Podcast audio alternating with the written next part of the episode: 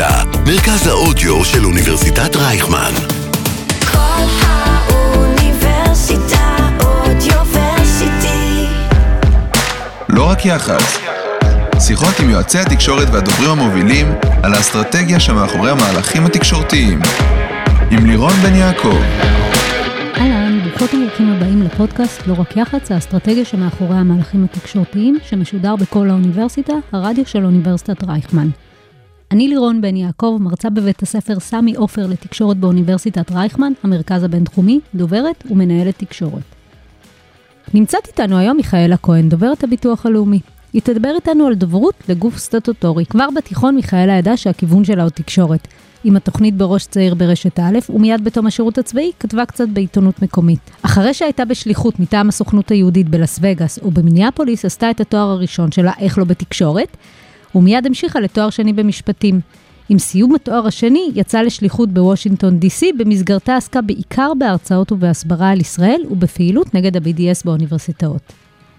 כששבה ארצה, עבדה כשנה בחברת פרסום, לאחר מכן הקימה וניהלה את תחום הצעירים במודיעין. אחר כך הצטרפה לקמפיין של משה כחלון לכנסת כשר אוצר, והייתה דוברת יו"ר הסיעה, רועי פולקמן. בהמשך הייתה סגנית דוברת במשרד האוצר, ובשנים האחרונות היא בביטוח הלאומי. התחילה כיועצת בכירה למנכ"ל הביטוח הלאומי מאיר שפיגלר, ובשנה וחצי האחרונות היא הדוברת של הביטוח הלאומי.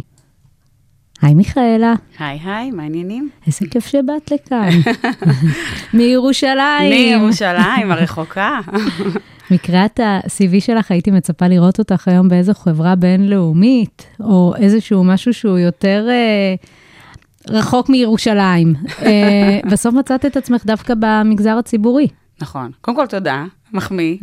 אה, אבל אני רק בת 38, אז לכי תדעי עוד אה, לאן העולם ייקח אותי. אה, האמת שהתחלתי קצת, עשיתי שליחות בארצות הברית, אבל אני מניחה שעוד מעט נדבר על זה קצת, אבל... ואז התחלתי קצת, אה, את יודעת, להסתכל ימינה, להסתכל שמאלה, ואז אמרתי, איזה מין דבר זה, הייתי שליחה, שליחה של ישראל בארצות הברית, חייבת לחזור לארץ, בהיבט ערכי. לא בטוחה שהיום הייתי עושה את אותו דבר, אבל לא משנה. אה, אבל יש לי איזשהו פטיש לעובדה שתקשורת בכלל ודוברות אה, היא כלי לשינוי מדיניות בעיניי.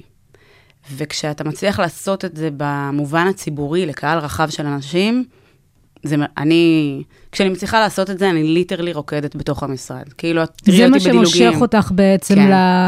לתפקיד, למגזר הציבורי, למקום שבו את נמצאת היום. כן.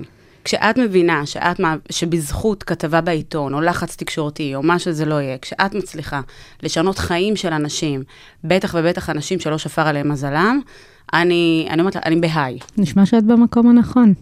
אני מקווה. ספרי לנו קצת על הדרך המקצועית שלך עד שהגעת למקום הנכון. Uh, האמת, אני יודעת שזה נשמע מוזר, וכאילו מאוד קלישאי, אבל אני נשבעת שזה מה שהיה. אני עוד זוכרת שכבר מגיל 10-11 מאוד רציתי לעשות בעולם התקשורת. Uh, אני זוכרת שהיה את הבחירות uh, בגלגלצ, עוד היה את העניין של הטייפים והקסטות, והייתי אומרת, הבחירות עם מיכאלה, הייתי ממש עושה לעצמי תוכניות רדיו. מאיפה זה בא לך? גדלת, בואי, בבית שמש. זה לא נכון. בדיוק עיר שגדלים בה אה, אנשי תקשורת. פחות. אה, לא ראית את זה בסביבה שלך, מאיפה זה בא? אני חושבת שזה הגיע, אני זוכרת שבזמנו היה את התוכנית של אורלי וגיא, שהם היו עושים בולדוג, וכאילו היו מגנים על החלשים בחברה. ואני זוכרת שתמיד, קודם כל התחלתי באיזשהו רצון להיות עיתונאית, לא בהכרח בעולם של הדוברות, ונורא רציתי להיות אה, מגנה על חלשים. אה, מאוד הערכתי את זה, את האומץ שלהם, איך היו מגיעים, את יודעת, לאנשים מול הפרצוף, עם המצלמות, מגינים על אנשים שאין להם לובי, אין להם מישהו מאחוריהם. אה, וחשבתי שזה דבר אה, ממש מגניב, והבנתי את ההשפעה של הדבר הזה. אה, הרבה פעמים אפילו, אתה יודע, תמיד היו אומרים, המשטרה לא טיפלה, ואז ראו איזה פלא, מיד אחרי התוכנית, עוצרים אנשים, כאילו דברים קורים. הבנתי את ההשפעה הזו מאוד מאוד מהר. אגב, גם בעיתון של הבית ספר, בבית ספר שבו הייתי. אה, זה היה מדהים, היינו כותבים משהו בעיתון, פתאום ההנהלה הייתה משנה, הייתה שמה תאורה, הייתה שמה דברים. מגיל מאוד צעיר הבנתי שזה איזשהו כלי מאוד מאוד חשוב לשינוי של דברים, הרבה יותר מפוליטיקה, הרבה יותר מדברים כאלה. ו... וזה רלוונטי לדעתי עד היום. ולכן גם, כאילו, אני ממש זוכרת את הדבר הזה, ואחר כך הייתי, בתיכון עשיתי גם כן איזה 11 יחידות תקשורת. אה, היה לי תוכנית רדיו ברשת א', בצבא לא היית בדובר צה"ל. לא, רצית? מאוד. מאוד, עד היום שאני רואה, סליחה על כל הגל"צניקים שאולי יקשיבו על זה, כשאני רואה גל"צ פה, אני, יש לי קצת, אה, קצת עצבים. אה, מהסיבה הפשוטה שכן, הזכרת, אני חושבת שבתקופה הזו, בית שמש, הגעתי מבית ספר דתי, זה, בית שמש של אז זה לא של היום, זה היה כאילו עיירת פיתוח, כולם אמרו לי, אין לך סיכוי, אין לך סיכוי, אין לך סיכוי להתקבל. אני זוכרת שגם הגעתי לבקו"ם, אני זוכרת שמישהו אמר לי, אמרתי לו, אני רוצה להיות בדובר צה"ל, אני, האמת שהכי רציתי להיות במחנה, לא בגלי צה"ל, נורא רציתי לכתוב, אה, ואמרו לי, אין לך סיכוי. מישהו אמר לי, אבא שלך מישהו, משהו, מהצבא. ואז אמרתי לו, אבא שלי בהחלט מישהו ומשהו, אה, אבל בטח לא מה שאתה מתכוון. אה, והבנתי שכאילו אין לי סיכוי. למרות שכל אבל ניסית? כן. שלחתי מכתבים לנחמן שי, הייתי מאוד אקטיבית, מאוד מאוד מאוד השתדלתי. מדהים. לא שמו עליי, אבל בסדר. בסוף הייתי מצטיינת מח"ט בחטמ"ר שומרון, אז זה יצא בסדר. ואז השתחררת, נכון. והלכת ללמוד תקשורת. נכון. קודם כל, עוד לפני כן התחלתי לעבוד אה, ב... בעיתון מקומי בבית שמש, אה, גם כן, בסכום זעום. קודם כל, מלכתחילה לא הגעתי מאיזשהו רקע מקושר, או כסף, או מה שזה לא יהיה. אה, וגם שם עשיתי גם את, ה... את הראיון הראשי בעיתון, והיה לי טור קבוע אה, על הדבש ועל העוקץ, קראו לו. תגידי, את חושבת שאם היית באה ממקום אה, מקושר, ועם ההורים, אה, אה, אני, אני לא רוצה להגיד הנכונים, כי יש לך את ההורים הנכונים, כן. אבל את ההורים עם הקשרים הנכונים לקריירה שלך, את חושבת שהיית היום במקום אחר? אמ, כן ולא. אני חושבת, לא יודעת אם הייתי במקום אחר, אבל היה לי יותר קל. בוא נגיד את זה ככה. אמ, אני יודעת שיש איזושהי תפיסה שאנשים, קודם כל, נורא חשוב לי להגיד את זה, שישר יגידו, וואה, אכלו לי, שתו לי, איזשהו framing את שאני... לא שם, שומעים שאת לא שם. בדיוק, אני ממש ממש לא שם.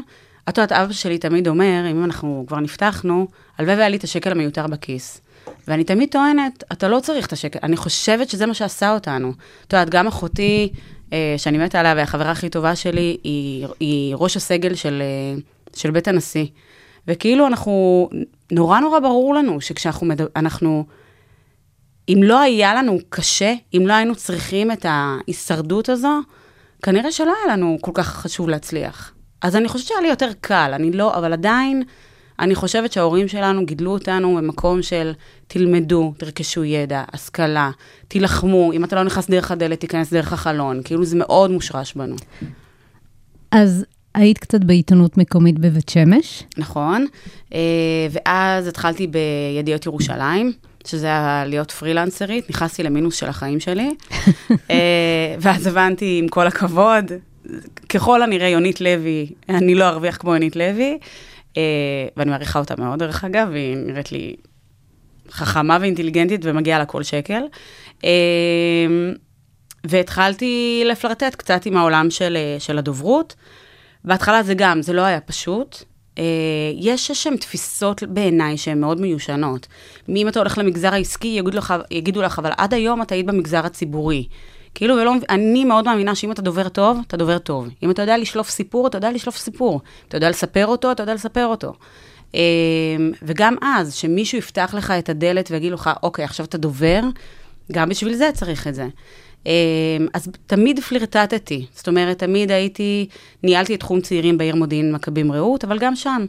כל פעם הייתי מייחצנת את כל הפעילות שם, ולעשות הפקות וכאלה, אז תמיד הייתי ממש בצמידות עם דובר העירייה, וכל פעם הייתי כותבת לו את ההודעות לעיתונות. אז תמיד זה כזה היה ליד, אה, עד שהגעתי, עד שהגעתי לכנסת. אה, הייתי במפלגת כולנו, של משה כחלון, אה, ו, ובהתחלה, דרך אגב, רק הלכתי להתנדב. בכלל לא, באמת, לא היה לי איזשהו, אני רוצה כנסת, לא, לא היה לי את זה. אה, ואז רועי פולקמן הציע לי. ואז התחלתי זה, ואמרתי, טוב, זה הזמן למשא ומתן, ואמרתי לו, אני רוצה להיות רק דוברת. אה, והוא הסכים. אה, וזה כאילו היה הדלת הראשונה של הארדקור דוברות. וזה היה מאוד מעניין, זה עולם. זאת אומרת, הכנסת בעיניי סופר מסקרנת, משם עברתי, אחרי ש... אני הכי דור ה-Y, זאת אומרת, אחרי כל שנתיים, אני לא מתקדמת, לא זה, בום, עוברת, לא עוברת, מתקדמת. אה, אז אחרי רועי פולקמן, אה, שבעצם פתח לי את, ה... את את הדלת בפעם הראשונה. אה, הפכתי להיות אה, סגנית דוברת משרד האוצר, ואז אה, עברתי ל... לביטוח הלאומי. לביטוח הלאומי. גם כן הייתה דילמה, אם לעבור למגזר העסקי, או למגזר, או ללכת לביטוח הלאומי. אה, למה החלטת לשם? קודם כל, האמת, ישבתי עם עקיבא נוביק לקפה. לא יודעת אם הוא זוכר את זה, אבל ישבתי איתו לקפה. אה, שתי האנשים האלה שיושבים איתם לקפה, ויש משפט אחד שהם אומרים, וזה נשאר שם. נכון, ומשהו בדבר הזה מכוון. כן. זאת אומרת, אתה כאילו אומר את זה, אתה- אבל מישהו עושה לך רגע, משקף לך מה אתה לגמרי, אומר, לגמרי. וזהו, באותו רגע יש לך אהה מומנט שאתה, שאתה שם. אז אני לחלוט, כאילו, זה היה או ללכת לבזק, או ללכת לביטוח הלאומי, ובזק בתקופה הזו הייתה עם כל מה שהיה, עם אה, כל הפרסומים שהיו, והמשבר עם בזק וכולי, והיה את הביטוח הלאומי. אחד התיקים. כן, אחד מהם. אה, ואני אוהבת אתגרים. זאת אומרת, היה לי ברור, בוא נגיד, דוברות של זה זה לא פשוט, והדוברות של זה זה לא פשוט, ובכל זאת זה מגניב אותי. אה, והוא די, די אמר לי, כאילו, טוב, מה שאני שומע ממך זה ביטוח לאומי. הייתי, אה, הייתי יועצת מנכ"ל בכירה של, אה, של מנכ"ל ביטוח הלאומי מאיר שפיגלר, אה, שהיום מנכ"ל חברת חשמל.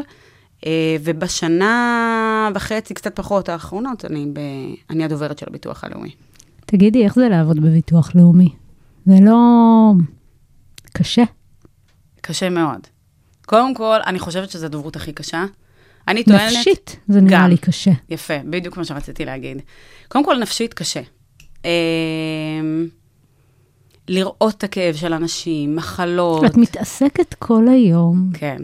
אפרופו אחותי, בקושי של החיים. כן, בלא יפה.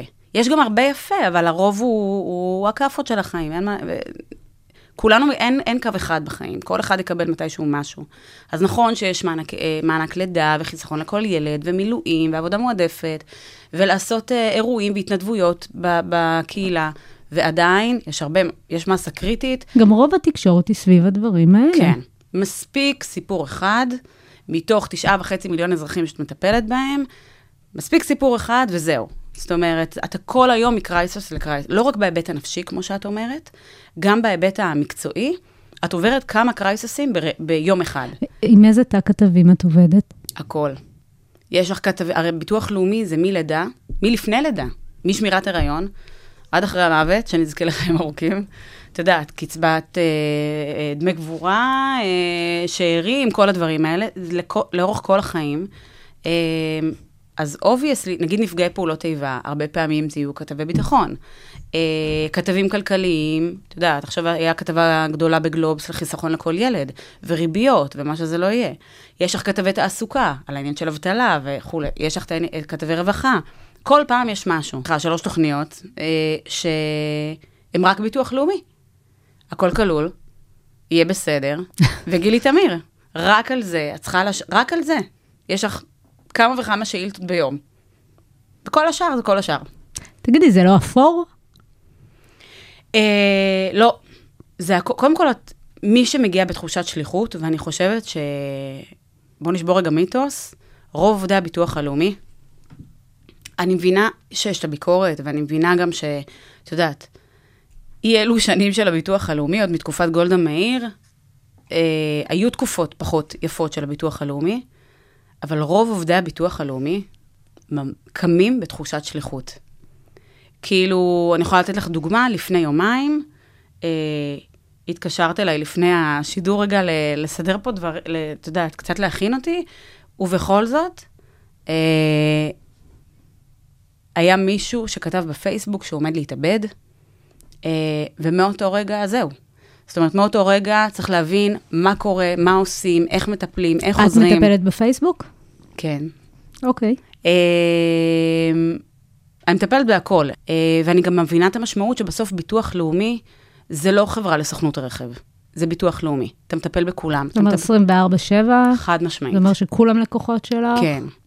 את רואה אותי עכשיו, אבל מי שלא רואה אותי, אני, אני כמעט תמיד מאופרת, כי יש לי שחורים מתחת לעיניים ואני בקושי ישנה. זאת אומרת, יש לי שלוש, ארבע שעות שינה ב, בלילה. אבל יש לך גם צוות שעובד איתך. כן, הצוות יחסית הוא מאוד מאוד קטן. התחלתי להגיד לך קודם שאני חושבת שזו הדוברות הכי קשה, אני חושבת שמשטרת ישראל וביטוח לאומי אה, זה הדוברויות הכי קשות. אבל למשטרת ישראל יש הרבה מאוד דוברים פרוסים בכל הארץ.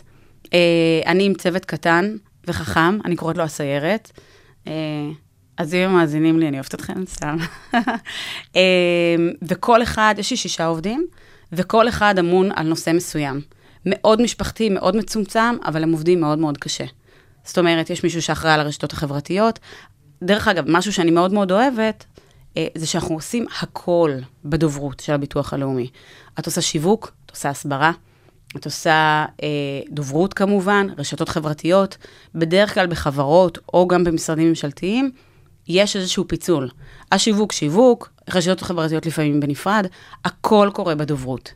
אה, וגם הרבה מאוד היבטים של הסברה, של הנגשה, בטח ביטוח לאומי. וביטוח לאומי זה חוק גדול ומורכב. אז להנגיש אותו, להסביר אותו, לשנות את המכתבים, לכתוב את האתר של הביטוח הלאומי, המון המון עבודה.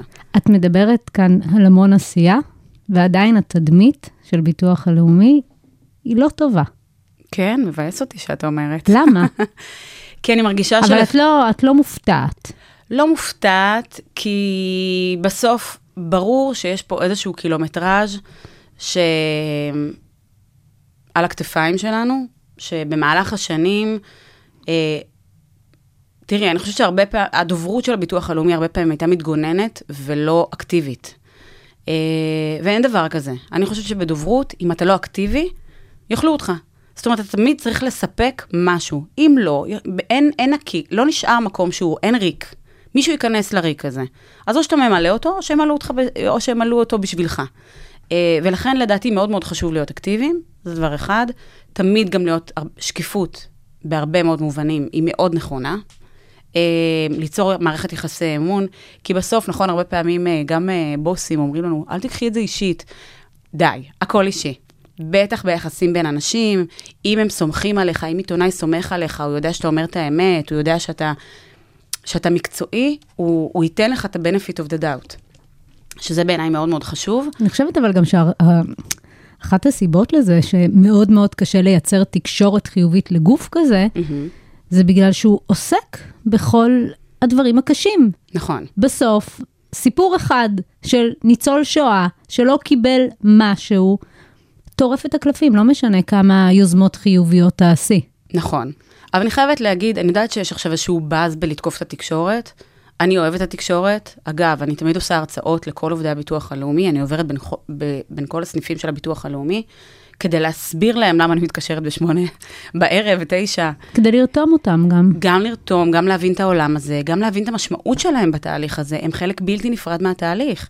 ככל שהם מפרטים יותר, ככל שהם, את יודעת כמה פעמים דווקא העשייה הזו, דווקא הפירוט, אפרופו התחלתי להגיד לך אותו בן אדם שאיים בהתאבדות, משרד הר, אה, אה, הרווחה בעיר סירבו ללכת, אמרו לא, הוא לא מטופל רווחה, אנחנו לא הולכים אליו. עכשיו, זה לא התפקיד של הביטוח הלאומי, ביטוח לאומי משלם קצבאות. ובכל זאת, היא קמה, הלכה בערב אליו הביתה, עד שהוא לא מילא טפסים, עד שהיא לא הסבירה לו, נתנה לו את הטלפון האישי שלה. זאת אומרת, באמת, אנחנו שם, יש כל כך הרבה טוב, יש הבנה של דיני נפשות. מאוד. גם צריך לזכור, ביטוח לאומי והעובדים שלו פוגשים את האנשים, רואים להם את הלבן שבעיניים. אם את תראי משרדים אחרים, ברוב המקרים הם לא באמת, או שזה מאוד דיגיטלי, או שזה מאוד uh, on the surface. זאת אומרת, uh, אתה בא לעשות תעודת זהות, אתה בא לעשות תעודת זהות, אתה, אתה, שלום על ישראל. אבל תמיד התחושה היא שבצד השני יש איזה בן אדם עייף, שכל מה שהוא רוצה שתגיע שעה שלוש, והוא ילך הביתה. אני חושבת שהיום, באמת, אה, ולכן זה קצת ביאס אותי שאמרת קודם, זה שבחמש שנים האחרונות משהו השתנה. ו... ואני חושבת שגם התקשורת החיובית והקמפיינים והדברים שנעשו בשנים האחרונות, אה, וכן, אני חייבת לציין, מאיר שפיגלר כמנכ"ל, אחד, כמנכ"ל, אחד הדברים שהוא, אה, היה לו מאוד מאוד חשוב לעשות, זה לסייר בין הסניפים, אה, ולהשריש את העובדה שאנחנו הלובי של הציבור. עכשיו, הרבה מאוד פעמים, המורכבות הזו מול הציבור, זה כמו שאת אמרת, יש רגישות. בן אדם, לצורך העניין, עכשיו עבר תאונת דרכים, עבר התקף לב. אני ממש זוכרת את הימים הראשונים שלי בביטוח הלאומי, עשינו, עשיתי סיור בסניפים ביחד עם המנכ"ל, והיה מישהו שעבר התקף לב. ואת רואה אותו מבן אדם, והוא התחיל לספר מה הוא עשה לפני כן, ואיך הוא עבד, ופרנס את המשפחה שלו בכבוד. ומספיק רגע אחד של התקף לב, והחיים שלו השתנו מן הקצה לקצה. וזה, אני הלכתי הצידה והתחלתי לבכות. אגב, אני עדיין בוכה, אני בוכה מלא. אה, וזה, ואת מבינה שבמורכבות הזו, אם החוק אומר לך בצורה מפורשת לא, ולא ביטוח לאומי קובע את החוק, זה כנסת ישראל. אנחנו הרבה פעמים נהיה בוועדות, נגיד את דעתנו, והרבה פעמים אומרים לנו גם לא. אנחנו לא משנים את החוק. אבל אז מי שמתנגש ואומר את הלא, זה העובדים של הביטוח הלאומי. ואז נוצר פה מורכבות. זה הפנים של הלא. בדיוק. יוצרת, פה- יש פה איזושהי מורכבות, גם של הלא, גם של החוק, גם של הבן אדם שאתה רואה את הסיפור שלו, נפתח בפניך, ואתה צריך לעמוד ולהגיד לו לא. את יודעת, אני זוכרת, אגב, עוד סניף, זה היה בסניף חיפה. איך שנכנסנו, אנחנו רואים עובדת בוכה. אמרנו לה, מה קרה? היא אומרת, יושבת לי פה אימא, עם ילדה, עם תסמונת רט, ובחוק כתוב איזה תסמונות כן ואיזה תסמונות לא. עכשיו, את רואה שהילד זקוק, ואת, והחוק אומר לך לא. כשאת מסבירה את זה לעיתונאית, עיתונאי, ואת אומרת לו, זה החוק, הוא מבין את זה? תלוי מי. אני חייבת לציין, אה, לצערי, שבשנים האחרונות יש כאלה, את רואה, אני רואה הרבה פעמים אה, כתבים צעירים שנכנסים, אומרים, "מ, על מה אני אעשה כתבה? או, ביטוח לאומי, ישר. כאילו אם אפשר להתגלח על הביטוח הלאומי, אהלן וסהלן, בין אם זה כתב צעיר, בין אם זה עמותות מסוימות, בין אם זה אנשים עם אינטרס, אה, כאלה או אחרים, אנשי, את יודעת, אנשי מקצוע, או... אז ישר, מה, על מה עושה כותרות? בום, ביטוח לאומי. אה, אז לא משנה מה, אתה גם תמיד באיזושהי תחרות כזו. בשנים האחרונות, אני מרגישה שהרבה מאוד כתבים, אה, שוב, תלוי מי. יש את הכתבים של פעם, יש שם גם כתבים צעירים שאני אומרת, אתה כתב של פעם, שיש איזושהי משמעות לאתיקה עיתונאית. אה, אבל יש כאלה שאומרים, אוקיי, ביטוח לאומי... יעשה לי כותרת יעש- יפה. בדיוק. תוך שנייה וחצי, מה זה משנה? עכשיו, איזשהו אה, עורך דין פנה אליי כי הוא זכה באיזשהו תיק איזוטרי, פתאום זה הופך להיות תכלית הכל. להסביר לאנשים את חוק הביטוח הלאומי זה מאוד מאוד מאוד סבוך, אתה באמת צריך להיכנס, וגם, כל קצבה היא, היא, זה משהו אחר לחלוטין. אפילו המונח ילד בכל קצבה הוא משהו אחר. ילד ב, ב, בילד נכה זה עד גיל 18.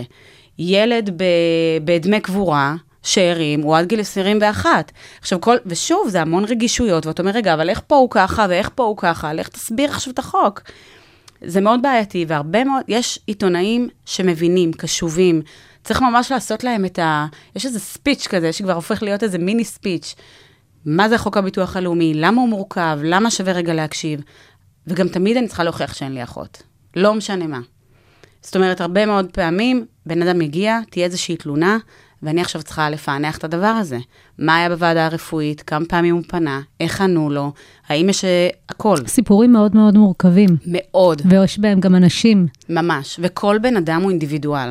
זאת אומרת, לצורך העניין, נכה עבודה שנפצע בעבודה, זה לא דומה האחד לשני. יכול מאוד להיות שמישהו, לא עלינו, קיבל אה, סרטן כי הוא עבד בשמש, והוא עם ג'ינג'י וכולי, והסיכוי שלו לחלות בסרטן לפי הפרמטרים גבוה יותר מבן אדם אחר, ואז בן אדם, הבן אדם השני יגיד, רגע, אבל למה הוא כן ואני לא?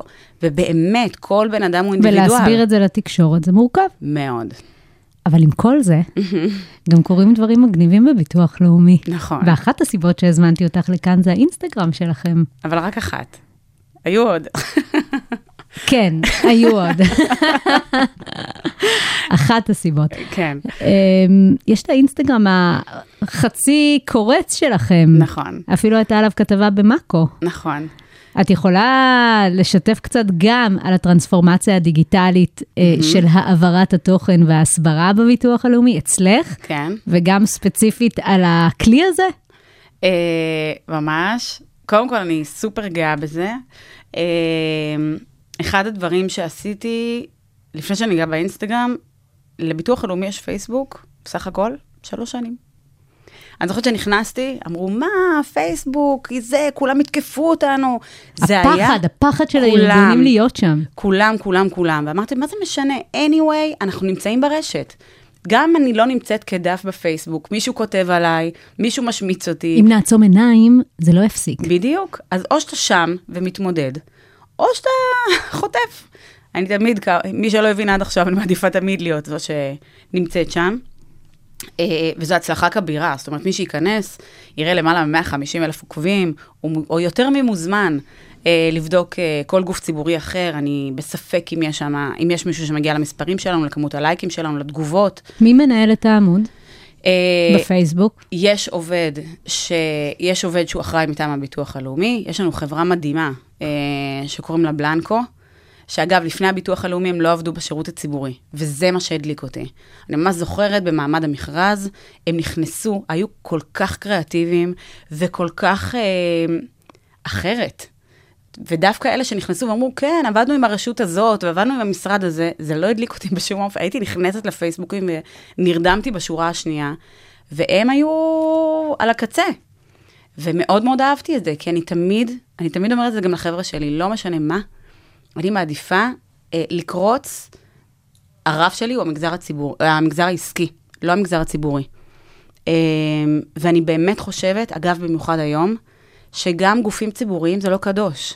כלומר, אה, אם אתה לא רלוונטי, גם כגוף ציבורי, זה לא בהכרח אומר שאתה תישאר. אנחנו יכולים לראות הרבה מאוד גופים, אני לא רוצה להכניס אותי לאיזה בעיות פוליטיות, אז אני לא אנקוב בשמות, אבל יש הרבה מאוד גופים, שאם היית אומר, הייתי אומרת לך לפני עשור, הולכים לפרק אותם, הם הולכים להיות לא אטרקטיביים, הולכים לנסות לסגור אותם בחוק ההסדרים, היית אומרת לי, מה, שום סיכוי, אין סיכוי. מה- לא משנה מה היית אומרת לי. וכבר לא. כי הם לא ידעו לפעול נכון, לדעתי, מול התקשורת, הם לא ידעו לתת מענה נכון מול, מול הציבור, הם לא ידעו לתת שירות, ולכן גם הציבור, כשהוא פגוע, הוא מאפשר לדברים האלה לקרות. עכשיו, אני יכולה להגיד לך, אגב, לא חושבת שאי פעם הוצאתי את זה החוצה, אבל uh, הנה. Uh, אחד הדברים הראשונים שעשיתי כשנכנסתי לביטוח, ל, כדוברת הביטוח הלאומי, לקחתי, עשיתי סקר עצום. רציתי להסתכל בלבן בעיניים של הציבור. מה הוא חושב עליי? אני רוצה להבין איפה הבעיות שלי, ומה הוא חושב עליי. אחד הדברים, קודם כל, הבסיס שממנו אני יוצאת, 89 אחוזים אה, מאזרחי מדינת ישראל חושבים שהמוסד של, מוסד הביטוח הלאומי, אגב, אני נוטה להוריד את המילה מוסד, זה נשמע לי נורא... אה, אבל הוא גוף חשוב מאוד במדינת ישראל. 89 אחוזים, מדהים בעיניי, נקודה לצאת ממנה. בעיה, ש- הדבר השני, אבל שמבחינתי חקוק, זה העובדה שחבר'ה צעירים לא קולטים אותנו. הם לא מבינים למה הם משלמים ביטוח לאומי. מגיל 20 עד 35, שהם עדיין, לצורך העניין, במרכאות, לא חוו את הביטוח הלאומי, הם לא מבינים למה הם משלמים. הם לא מבינים את הקונספט של ערבות הדדית. הם לא מבינים למה, מה זה אומר בכלל. זאת אומרת, אני חושבת שגם ביטוח לאומי לא ידע להגיד, חבר'ה, בצורה כזו או אחרת, כל חודש, כשאנחנו משלמים ביטוח לאומי, אנחנו תורמים לחברה, אנחנו תורמים לקשיש, אנחנו תורמים לנכה, אנחנו, תור, אנחנו תורמים. ובבוא היום, כשאתם, יהיו לכם ילדים, אתם תקבלו בחזרה. כשאתם חס ושלום תהיו סיעודיים, אתם תקבלו בחזרה. ומתוך המחקר הזה בעצם, אמרת, אני צריכה להסביר. נכון. ואפרופו האינסטגרם, מה שאמרת, מי שלא שם לב שהפלטפורמה, כל פלטפורמה היא משהו אחר. הודעה לעיתונות, זה, אני לא אכתוב הודעה לעיתונות כמו שאני כותבת טלגרם. טלגרם אני לא אכתוב כמו פייסבוק. פייסבוק אני לא אכתוב כמו אינסטגרם. וקהלי היעד שונים. והחבר'ה הצעירים נמצאים באינסטגרם. ולא מעניין אותם עכשיו שאני אדבר איתם על קצבת סיעוד. ולא מעניין אותם עכשיו שאני אה, אדבר איתם על, אה, על אה, קצבת נכות או על, או על, אה, או על אה, חיסכון לכל ילד. תני לנו כמה דוגמאות לדברים מגניבים שהיו שם. אה, דברים שיצרו קצת, מה בעצם גרם למאקו לכתוב עליכם? אז כך, קודם כל שינינו את השפה כבר בפעם השלישית. אני, אני עוקבת. אה, אפרופו מה שאמרתי לך, שאני ישנה מעט מאוד אה, בלילה, אני, אני מחטטת כל הזמן. מה קורה, מה התגובות, מה זה. אה, אחרי שעשינו איזשהו timeline של כל הזכויות לאורך כל החיים, שראינו שזה לא תפס בכלל, זה היה מאוד אפרורי, עברנו לביטוחונובלה, שהיה מאוד קריאטיבי. אה, היה מגניב ועדיין לא הביא את הפיק. ואז אמרתי להם, אני רוצה שהם קודם כל יכירו אותי. אני רוצה שהחבר'ה הצעירים... שהם יבינו מה אני, מי כן. אני, מה אני בחיים גם- שלהם. כן, ואני גם, ואני גם סבבה. זה, אני מבינה שפחות כיף לראות את ה, מה יורד כל חודש, אבל שיבינו רגע קצת יותר. שיבינו שבביטוח לאומי יש גם מלא דברים מדהימים. ביטוח לאומי סתם, לצורך העניין, 300 מיליון שקלים בשנה הולך על השקעה בסטארט-אפים חברתיים. No one knows. אבל זה נורא חשוב להם, כי אני בטוחה שחבר'ה צעיר, צעירים, הם יזמים הרבה מאוד. זאת אומרת, במיוחד החבר'ה, החבר'ה היום בני 20 פלוס, הם, הם דור יוזם. הם צריכים לדעת שיש להם כתובת, שיש להם האב חברתי שהקמנו בשבילם, יש כל מיני דברים כאלה. אה, משפחות להט"ביות שאנחנו אה, נותנים להם אה, סיוע בהליך פונדקאות, דברים שלא יודעים על הביטוח הלאומי, וזה חלק בלתי נפרד מהמדיניות. ואז החלטנו, ביחד עם בלנקו, לעשות משהו שהוא קצת אחר, פחות לשים פוקוס על הזכויות, אלא קודם כל, בואו, תכירו. תראו שהצמד המילים ביטוח לאומי הוא לא כזה נורא. אה, הוא גם רלוונטי אליכם. והוא רלוונטי מאוד. אה, ולעשות איזשהו teasing, רגע להיכנס לאתר ולהבין מה הזכויות. אה, מה שעשה את הרעש, בעצם מה שהחלטנו לעשות, זה לעשות כל מיני צילומי מסך מתוך האתר של הביטוח הלאומי ולעשות מימים. עשינו אני נקודותיים, אה, אה, אני די-ג'יי, מה ההורים שלי שומעים? אני חוזרת בכוונה, מה ההורים שלי שומעים, לא מה הביטוח הלאומי חושב, לא כלום, מה ההורים שלי שומעים, ועשינו צילום מסך אבטלה. הספיק הבן אדם האחד בטוויטר, בברנז'ה, לכתוב, אה, ביטוח לאומי צוחק על מובטלים, וטה-טה-טה-טה, ואם אפשר, כאמור, דיברנו על זה, אם אפשר לעשות כותרת על הביטוח לאומי, מה טוב, זה עושה לייקים. אה, והתחיל איזושהי סאגה על הדבר הזה. תגידי, מאחורי הקלעים נבהלת מזה? התקשרת לבלנקו ואמרת אמרת להם, די, למה עשינו את זה? תראו מה קרה, לא נהיה, לא עשינו ניהול סיכונים נכון. האמת, את האמת. את האמת. אמ, תראי, אני בן אדם עם עמוד שדרה מאוד איתן, מי שמכיר אותי. אה, לא התחרטתי על ההחלטה, ידעתי שזה יגיע, במיוחד היום. מספיק שאני אגיד משהו קטנטן, אה, לא במקום, מישהו יגיד את... אה, אה, לא יודעת מה, את שוביניסטית למרות שאני פמיניסטית. כאילו, זה לא משנה מה. כל דבר אין 100%. מישהו יעיר, בטח שזה ביטוח לאומי. אני מודעת לדבר, אני כבר חמ, חמש שנים בביטוח הלאומי. מהצד השני, שפתאום מאקו, ופתאום זה, ופתאום זה, ופתאום זה, אז אמרתי לבלנקו, אמרתי להם, אתם חייבים, היה איזשהו שיח שאני חושבת שהם לא הבינו את הרגישות של הביטוח הלאומי. שכמעט כל דבר, למישהו זה נוגע איפשהו. וצריך להבין שמה שהמגזר העסקי יכול לעשות, ולהיות קצת יותר אדג', בביטוח הלאומי יש אקסטרה רגישות, והוא גוף ממלכתי בסופו של אז דבר. מה אמרת לבלנקו? שאני עומדת מאחורי ההחלטה שלי, אני לא משנה אותה. אה, אגב, גם בהתחלה התלבטתי אם לענות למאקו או לא, ואז פשוט החלטתי לשבת ולענות. זאת אומרת, אה, לכתוב ולענות ולהסביר את הדבר הזה. אה, אגב, יאמר לזכות העורכת שם, שהייתה, שאני חושבת שגם היא עברה איזשהו תהליך, שחשבה שזה יהיה איזה כתבה ותגובה, ובסוף אה, היא הייתה, הייתה שם איזושהי יושרה עיתונאית רגע להציג את הכל בעיניי. אה, אבל כן, אני חושבת שגם אצל בלנקו הם הבינו יותר רגישויות. לא להתייחס לאוכלוסייה מסוימת, לא, כי אנחנו מבינים, עכשיו, אני מבחינתי, את יודעת, אחרי הקורונה, שביטוח לאומי, באמת, אני אומרת בכנות, אם לא היה ביטוח לאומי בתקופת הקורונה, לא יודעת מה היה קורה פה.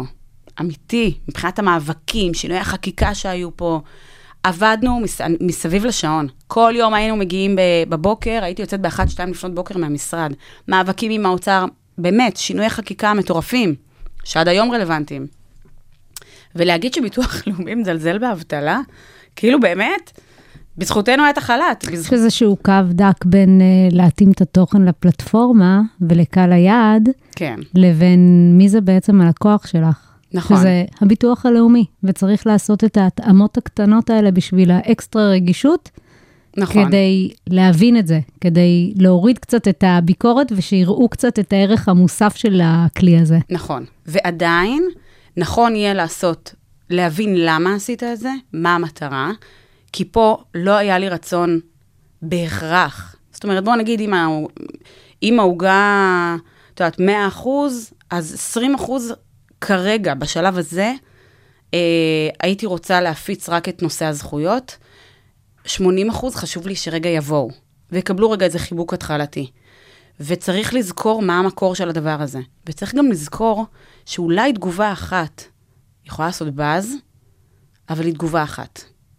ובסוף כמות הלייקים והעוקבים שהגיעו לאינסטגרם, בואי, את אמרת בעצמך, הבאתי אותך לפה, אחת הסיבות זה האינסטגרם. לגמרי, כלומר, כנראה זה עושה את העבודה. לגמרי. אז לפעמים, גם כדובר, לפ... אתה צריך הרבה פעמים רגע להיות קול עם כל הלחץ שקורה, לעשות זום אאוט, ולהבין רגע למה, מה המטרה, האם זה נכון להיכנס להיסטריה או לא. אגב, לפעמים כן. לפעמים אתה צריך להבין שהציבור רגע נותן לך איזשהו זרקור שאולי לא חשבת עליו. אבל פה היה לי רגע איזה, אה, התחלתי כזה, איזושהי תנועה בכיסא, ואחר כך אמרתי, רגע, זה בסדר. כי בסוף הלייקים הגיעו, העוקבים הגיעו, התגובות הטובות הגיעו, יש צקצקנים, תמיד יהיו, יש גם כאלה שזה אולי פגע בהם, וגם אין לי בעיה להתנצל. אני חושבת, אגב, שזה גדולה של ארגון להתנצל. אמ, אבל הכל טוב, זה בסדר. בסוף זה נתן את ה... זה ממלא את, ה, את, ה, את המטרה שלשמה התכנסנו. תגידי, איפה את ממוקמת בתוך הארגון, בתוך הביטוח הלאומי? אני בהנהלה. אה, את כפופה למנכ"ל? כן, אני כפופה למנכ"ל. אגב, אני חושבת שבאופן כללי דוברות צריכה, אה, אם אתה כן מזהה שיש יש מולך דובר שהוא עם אסטרטגיה ומגן על, ה, על הארגון בכל מחיר, ומשתמש, זה המון כוח ביד. ודובר גם חייב לדעת שהכוח הזה חייב להיות מנותב לטובה. יש כאלה שלפעמים הולכים לכיוונים אחרים. כשיש ישיבת מדיניות, אה, ולערב את הדובר, לערב, בתהליך, אה, ולהבין באמת שזה כלי. אני יכולה להגיד לך אתמול שהיה לי, הייתה פגישה. אה, יש עכשיו איזשהו דיון אה, עם משרד האוצר על קצבת סיעוד. ואני, בואי, אזרחים ותיקים סיעודיים, צריך לתת להם הכל, בראיית עולם האישית שלי. בוודאי לא לטרטר אותם עם בירוקרטיה. הייתה אה, רפורמה בשנת 2018 של משה כחלון, רפורמה מדהימה בסיעוד. היום חברות פרטיות או שלא עושות אה, ביטוח סיעודי, או שמגבילות בזמן.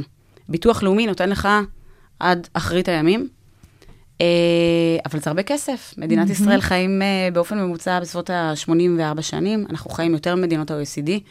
אה, הפתעה. אה, האמת היא שכן. כן, ו, וזה גם כסף. אכן זה כסף. אבל אנשים שילמו כל החיים שלהם, לרגע הזה.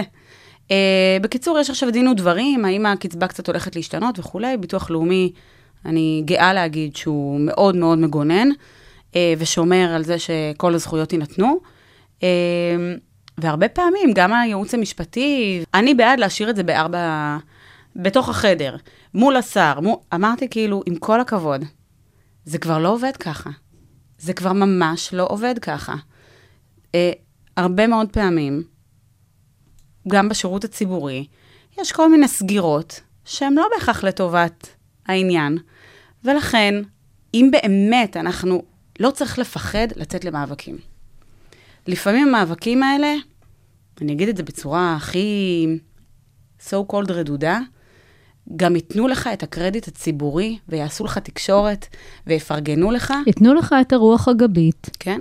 להשיג. כן. זאת אומרת, גם אתה חושב שאתה תשיג עוד תקציבים, נגיד מהאוצר, אם אתה תעביר רפורמה כזו או אחרת, אתה תגיע לאותה נקודה גם אתה תצא לתקשורת. ולא רק זה, אתה ככל הנראה גם תעזור לזה, וגם תעזור לך, וגם תעזור למשרד שלך. נראה לי שקצת התייחסת לזה כבר, אבל איפה את רואה את האתגר העיקרי שלך, המרכזי שלך בתוך התפקיד? האורך רוח, חייבת להגיד. אורך אמ, רוח כלפי מי? העולם, היקום, אני מרגישה שרוב הזמן אני ב... בסוג של מאבק, אבל לא רואים אותו. צריך להבין שהעבודה הכי קשה בדוברות זה לנשום? אחד. שתיים, אה, להוריד אייטמים. הכותרת שלא קראנו. בדיוק. מה שאתה לא רואה, הכי קשה. הכי הכי קשה. וזו עבודה מסביב לשעון. אפרופו, זה גם הסיבה שאני עושה את זה, עושה את ההרצאות, אה, עושה את ההרצאות לסניפים, כי הרבה פעמים אני אומרת להם, כמה כתוב, טפו טפו טפו, אני מפחדת שאחרי זה, את יודעת, עכשיו אני אקבל מבול. אבל אני אומרת להם, כמה כתבות שליליות בזמן האחרון אתם רואים על ביטוח לאומי? וכאילו, את יודעת, במיוחד אנשים ש-30-40 שנה בביטוח לאומי אומרים, השתנה פלאים. אומרת להם, זו העבודה, זו העבודה. אמ, זה, זה האתגר, זאת אומרת, האורך רוח, את יודעת, דיברתי עם אה, שחר אילן, אה, שהוא כתב רווחה מאוד מאוד אינטליגנט, מאוד, וגם מכיר את ההיסטוריה ואת הרזולוציות. תמיד כששחר אילן שולח לי שאילתה, אני אומרת, אוי, הלך לי חצי יום. אבל אני מעריכה אותו, כי הוא באמת מאוד אינטליגנט. אה, ואני מתווכחת איתו על איזושהי כתבה, לא יכול להיות שאיזשהו עורך דין יעשה, אני מתווכחת. אגב, שוב, אני באמת דוברת כזו שאם עשינו טעות, אני אומרת, וואלה, הייתה פה טעות, אין לי בעיה. יש דוברות שאנחנו רגילים לראות אותן אה, בפרונט, מתראיינות, משתתפות בכל מיני פאנלים בטלוויזיה. רגע לפני ההקלטה כאן, את גם היית אה, באיזשהו ראיון רדיו. מה את חושבת על זה? הדובר הוא צריך להיות הפנים של הארגון? אני חושבת שזה תלוי. בדיפולט, לא. בדיפולט זה צריך להיות המנכ"ל, זה צריך להיות אנשי המקצוע, אמ, אבל צריך לזכור שקודם כל הדוברות היא, ה, היא הפרונט. היא כאילו ה, ה, החזית, ל- זאת אומרת, היא, היא ה- חזית מול התקשורת. השאלה אם מול צריך... הציבור. אוקיי, זו ב- השאלה, אם הציבור צריך גם לראות את הדוברות. כן, קודם כל הוא רואה אותו. בואו לא נשכח שבסוף רשתות חברתיות זה העתיד. אתמול הייתה כתבה ב... בכלל, בתקופה האחרונה. כתבות שכבר, את יודעת, אנשים פחות רואים טלוויזיה, כולם ברשתות, כולם... ומי נמצא שם? הדובר נמצא שם. אגב, גם דובר טוב בעיניי. צריך לדעת את החומר הנלמד. אני אף פעם לא מחברת לגורם מקצוע ושלום על ישראל. אין דוח שאני לא קוראת. אין, אין כאילו תהליך שאני לא, עד שאני לא יודעת שאני יודעת, אני לא, אני לא יוצאת החוצה. עכשיו, הרבה מאוד פעמים, גם תקשורת צורכת תקשורת. אם אני אעלה מישהו שהוא לא אה, עובר מסך, שהוא לא יודע להתראיין, שהוא לא יודע להעביר את המסרים, שהוא לא קשוב לפלטפורמה, יכול מאוד להיות שיהיה בן אדם מאוד מאוד ורבלי, אבל הוא צריך לדעת להעביר מסרים בפלטפורמות הנכונות. ת, שוב, טלוויזיה זה לא רדיו, רדיו זה לא אה, פייסבוק לייב, זה, זה שונה. אם הוא לא יודע להיות קשוב לדבר הזה, והוא מעביר את זה בצורה לא טובה, הוא יעשה נזק לארגון בצורה כזו או אחרת. ולכן יש פעמים שאני מתראיינת, כי אני יודעת, או שיש עומס, או שיש עומס כללי, לצורך העניין, נגיד, אה, המנכ"לית היום, ממלאת מקום מנכ"ל, מתראיינת מלא מלא מלא, אז אני כרגע לוקחת את, ה, את הרעיונות היותר איזוטריים, בוא נגיד, שמה אותה יותר בפרונט, אה, ויש מקומות שנגיד, אה, לא בהכרח הם יודעים להעביר את המסר כמו שצריך, אז אני אעדיף לקחת את קדמת הבמה לטובת העניין.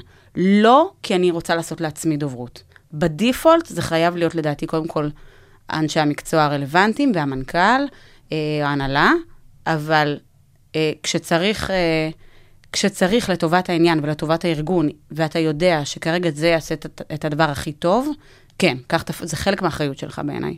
בואי נעבור לשאלון המהיר. יאללה. אני אשאל אותך חמש שאלות, אוקיי. תעני לי בקצרה. מהמם. מוכנה? יאללה. לחץ.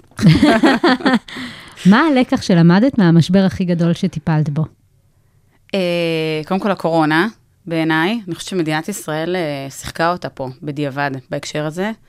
ההבנה, תמיד הבנתי מה הכוח של תקשורת, אבל להבין את ההשפעה, וכשיש גיבוי תקשורתי, ולשנות כל כך הרבה חוקים, ולהשפיע על כל כך הרבה אנשים, היכולת לעשות כל כך הרבה טוב בכוח הזה, וואו, מדהימה בעיניי. איזו טעות מקצועית עשית ומה למדת ממנה? אמ, אני חושבת שכמעט עשיתי טעות מקצועית בהקשר של הביטוח הלאומי. אמ, תמיד יש איזשהו רצון כאילו קצת להתנצל. אנחנו שומעים את הביקורת שלכם, אנחנו מתנצלים, אנחנו... לא, אני לא מוכנה לקבל את זה יותר. זאת אומרת, כמעט עשיתי את הטעות הזו ברשתות, וממש שנייה לפני שעלה הפוסט אמרתי stop. כי וואלה, יש מלא טוב. למה אני תמיד צריכה להיות חבוטה?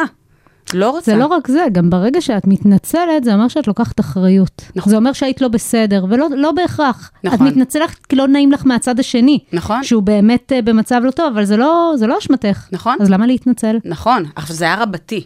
לצורך העניין, אם היה עכשיו שאילתה, ובאמת היה פה התנהלות לא בסדר מול אזרח, אני אגיד, אנחנו מצרים על הננה, את יודעת, כאילו אני אסיים, אין בעיה, אבל באופן כללי, וואלה, אני באמת, באמת מאמין, יש המון המון טוב. קחי נתון, ארבעה מיליון תשלומי קצבאות כל חודש.